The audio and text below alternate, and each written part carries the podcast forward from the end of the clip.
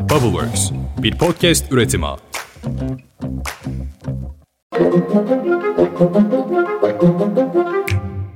Günaydın. Bugün 28 Nisan 2023. Ben Özlem Gürses, Bubbleworks Media ve Push Shoulder ile birlikte hazırladığımız 5 dakikada dünya gündemine hepiniz hoş geldiniz. Bir haftayı daha devirdiniz kutluyorum. Aman sağlığınıza dikkat edin. Tam geçiş mevsimi. Cumhurbaşkanı Erdoğan'ın tartışmalara neden olan sağlık durumu netleşti. Teşhisi Sağlık Bakanı Fahrettin Koca açıkladı. Sağlık durumu gayet iyi. Geçirmiş olduğu, geçirmiş olduğu enfeksiyöz gastroenteritin etkisi azalmış durumda. En yakın zamanda programlarına devam edecekler. Kendisi gastroenterit enfeksiyon geçiriyormuş. Yani midesi ve sindirim sisteminde iltihaplanma var. Erdoğan'a istirahat verildiği için hafta sonu planlanan kampanya etkinliklerine katılamayacak. Ama uzun zamandır beklenen Akkuyu Nükleer Santrali ilk nükleer yakıt atış törenine çevrim içi olarak bağlandı. Rus Devlet Başkanı Putin'in de çevrim içi konuşma yaptığı törende santralin yıllık olarak 1,5 milyar dolar katkısı olacağı ve elektrik üretiminin %10'unun buradan sağlanacağı anlatıldı. Törenden önce santral kapısındaysa arbede yaşanıyordu. Çernobil'in yıl dönümünde sokağa çıkan nükleer karşıtları Akkuyu'ya yakıt çubuklarının getirilmesine tepki gösterdi. Mersin, Sinop ve İstanbul'da yapılan eylemlerde nükleer felaketinden vazgeçilmesi çağrısı yapıldı. Ben, ben uygulayacağım. ve hakkımı kullanıyorum. Kullanamazsın. Buyurun, buyurun. Çevre hakkınıza sahip. Hayır arkadaşlar, hayır. Fiziki müdahalede bulunmaya gerek yok. Fiziki müdahale, hayır emniyet. Mersin'de Akkuyu Nükleer Güç Santrali'ne yakıt getirilmesine tepki gösteren Mersin Tip Milletvekili adayı Doçent Doktor Hakan Güneş ve Nükleer Karşıtı Platformu üyesi Hasan Uğur gözaltına alındı. Şu an Cumhuriyet Savcısının talimatıyla gözaltı işlemi, direnenlerle ilgili gözaltı işlemi başlatacak. Tüm göstericileri özel güvenlik bölgesi sağ dışına doğru uzaklaştırıyoruz. Jandarma kardeşim, senin hakkın içinde çalışıyoruz burada. Güneş ve Uğur ifadelerinin alınmasının ardından serbest bırakıldı. Nükleer karşıtları özetle şu soruların yanıtlarını bilmek istiyor. Uranyum yakıtı zorunlu olarak Rusya'dan sağlanacak ve Rusya'ya enerji bağımlılığımız aslında artacak. 70 yıl süreyle Rusya'nın sahipliğine bırakılan bu nükleer santrali tarafsız ve bağlantısız hiçbir kurum denetleyemeyecek. Neden? İkinci soru, nükleer atıklar nihai olarak Ankara Polatlı Avdanlı köyündeki 4 kilometre karelik bir alanda depolanacak. Akkuyu'nun radyasyonla kirletilmesi yetmiyormuş gibi nükleer kirlilik Anadolu'nun ortasına da bulaştırılacak. Neden? Evet, nükleer karşıtları bu soruların yanıtlarını arıyor. Adalet Bakanı Bekir Bozdağ 14 Mayıs pazar günü gerçekleşecek seçimlerin kimin arasında geçeceğini şu sözlerle anlattı. 4 Mayıs'ın akşamı Türkiye'de iki fotoğraftan biriyle karşılaştık.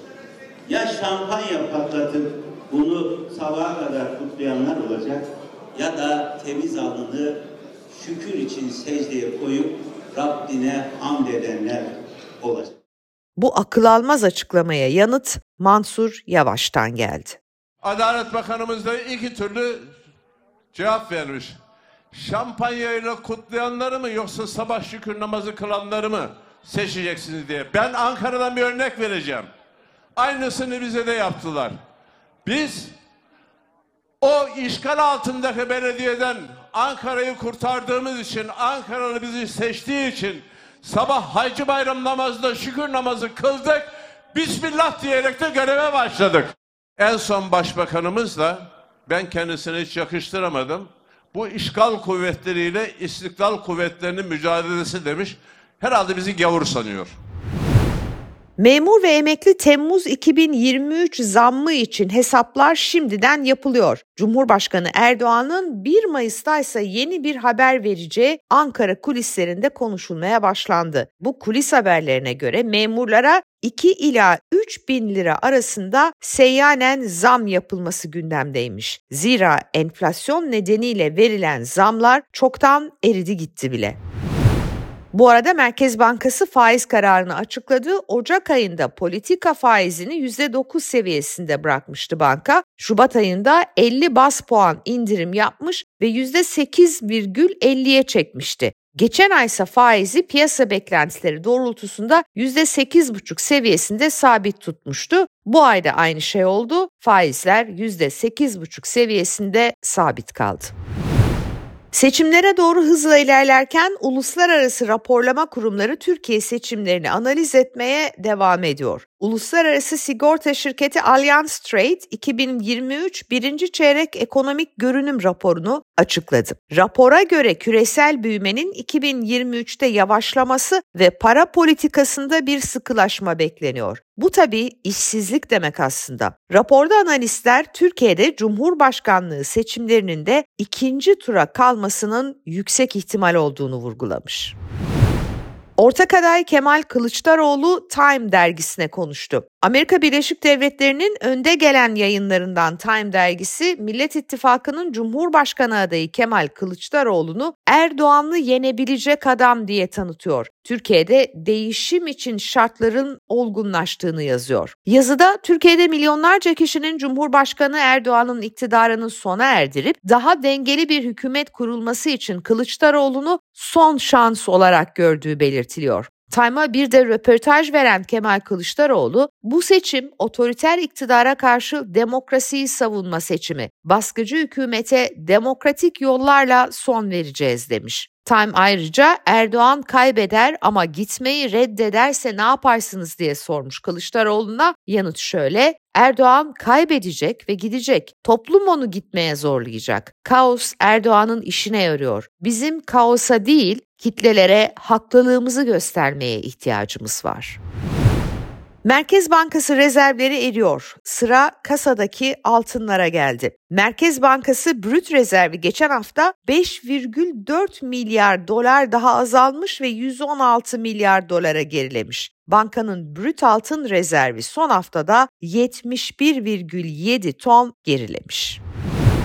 Bu arada iktidarın dolar kurunu dizginlemek için hayata geçirdiği kur korumalı mevduat sisteminin hazineye ve vatandaşa yükü her geçen gün ağırlaşıyor. Kur korumalı mevduatların büyüklüğü döviz cinsinden ilk kez 100 milyar doların üzerine çıktı.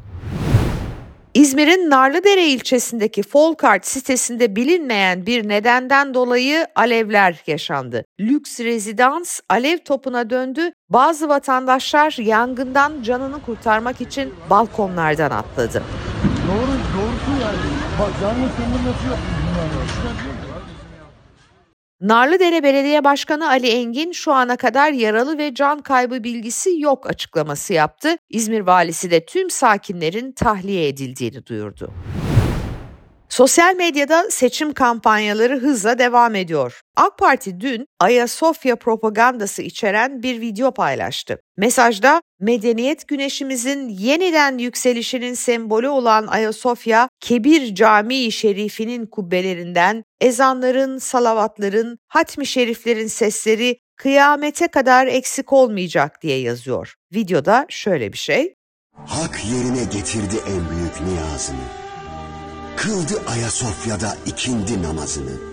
İşte o günden beri Türk'ün malı İstanbul. Başkasının olursa yıkılmalı İstanbul. CHP ise müzisyenlerle yeni bir akım başlattı. Haydi bir akım başlatalım, umudu büyütmek, dayanışmayı güçlendirmek için sen de söyle, sen de paylaş diye yazıldı. İlk yorum sanatçı Turgut Çıngı'dan geldi. Bakın Çıngı sana söz yine baharlar gelecek kampanya filmini nasıl yorumlamış? Bu şarkıyla ben de herkese umutlu bir hafta sonu diliyorum. Pazartesi sabahı buluştuğumuzda sandığa 15 günden bile daha az süre kalmış olacak. Tekrar buluşuncaya dek hoşçakalın.